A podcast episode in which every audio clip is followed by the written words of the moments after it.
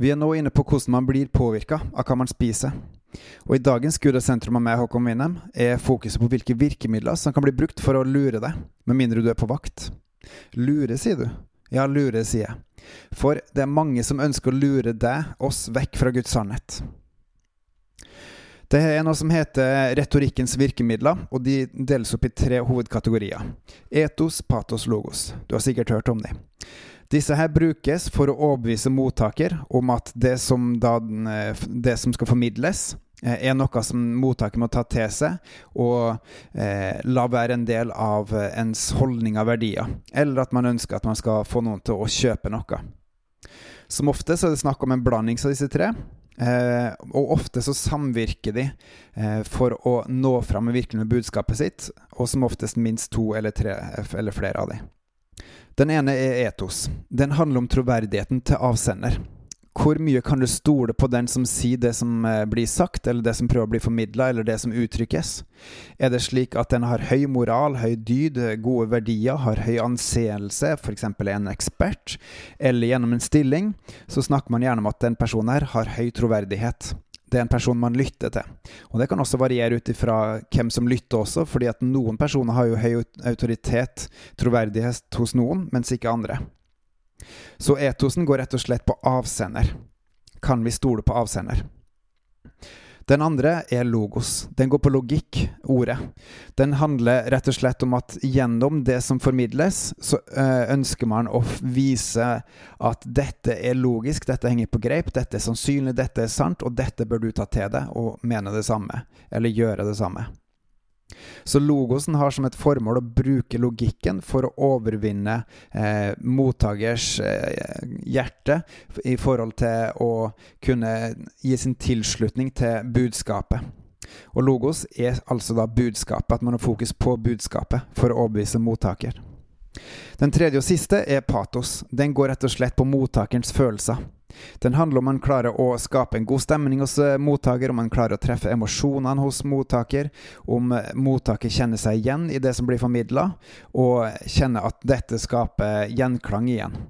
Så patosen handler rett og slett om at den fokuserer på eh, ting hos mottakeren som gjør til at mottak øker sannsynligheten for at mottaker eh, tenker at dette er godt og sant, og dette vil jeg gi min tilslutning til. Disse tre her er tre separate, men som ofte så kommer de fram som en blandings i det som prøver å formidles. Og de finnes altså egentlig i all slags type kommunikasjon. Fordi alt ifra når du snakker med noen eh, venner, eller til du hører på noe, ser på noe, så er det alltid et er det alltid en eh, viss verdi eller holdninger som ligger i bunn bak det som blir formidla. Og noen ganger så er det ubevisst hva som blir formidla, andre ganger så er det veldig bevisst.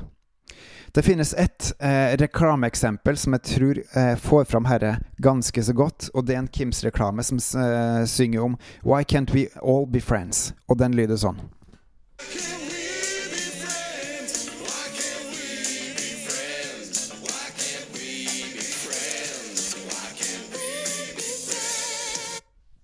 Den har du sikkert hørt. Den handler rett og slett om eh, at hvorfor kan ikke alle bare være venner? Og den skisserer motorsaga og treet som blir beskjært av motorsaga. Den, be, den eh, viser fram bonden og brunsneglen. Den viser fram Gud og djevelen og Kim Jong-un og Trumf også. Eh, for å vise hvorfor kan vi ikke bare alle være venner? Og den bygger på bl.a. på patos hos mottaker, altså, som skaper en god stemning. Og det, det, virker jo veldig forlokkende, og det gir jo god stemning at man står og synger sammen når man opplever et fellesskap. Eh, og så bruker han også en svært forenkla logikk, hvor en skal da prøve å få fram budskapet at det hadde jo bare vært mye enklere hvis alle bare kunne vært venner, for da ville det vært fred i verden. Det en ønsker, er rett og slett å få solgt produktet. Og det gjør man gjennom å skape god stemning. Og så I tillegg til den logosen som er brukt, så bygger man også troverdighet. Og den bruker man da ofte å på hva de fleste mener, ønsker, er sant. Da er det mye enklere å selge og nå fram. Eh, og det finnes også reklameeksempler på hvor en har oppnådd akkurat det motsatte, at det heller blitt en slags avsmak fordi at man ikke har klart å treffe med etos patos-logosen. F.eks. i reklame. Og så er det store spørsmålet hvorfor er det her farlig? Jo, fordi det kan ta oss vekk fra sannheten. Det finnes tre makter her, i, her på jorda. Den ene er Gud, og så har vi mennesker, og så har vi motstanderen djevelen. Djevelen bruker alle mulige virkemidler for å ødelegge for Gud og for oss mennesker, og bruker også mennesker ved noen tilfeller.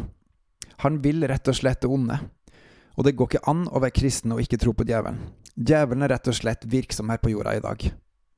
Videre så har vi mennesker også en del makt, og vi har helt fra nesten tidens begynnelse hatt et ønske om å hige til oss sjøl, om å karre til oss sjøl og våre egne behov, eller våre egne nærmeste folk som er rundt oss, og skape noe som er godt for oss sjøl, og å gjøre opprør mot at det finnes en sannhet utenfor oss. Og da altså opprør mot Gud og det som Han sier er sant, og som er sannheten.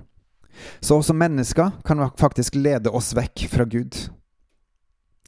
Så hvis man ikke kjenner til fiendens grep for å lure oss vekk fra sannheten, og ikke minst går i lære hos Han som er sannheten, så vil du lettere eh, la oss lure vekk fra Gud og Hans ord, det Han sier til oss, både direkte og gjennom Bibelen.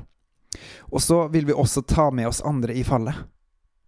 Derfor så er det så viktig at vi tar på oss sannhetens belte og troens skjold, sånn at vi er klar når vi får ubevisste og bevisste piler mot oss, som prøver å stjele sannheten fra oss, som prøver å rive ned sannheten, som prøver å lure inn andre sannheter. Og det er kun ved å stå fast i Gud at vi kan vokse og stå fast i sannheten. Så vi trenger rett og slett å bygge Guds rike gjennom å be til Gud og elske hverandre og lese i Hans ord og lese og lytte til Hans hellige ånd og sammenvokse. For å bygge Guds rike, og for å ikke la oss lure av fienden av andre sannheter. For det er bare én sannheten, og det er Guds sannhet. På gjenhør.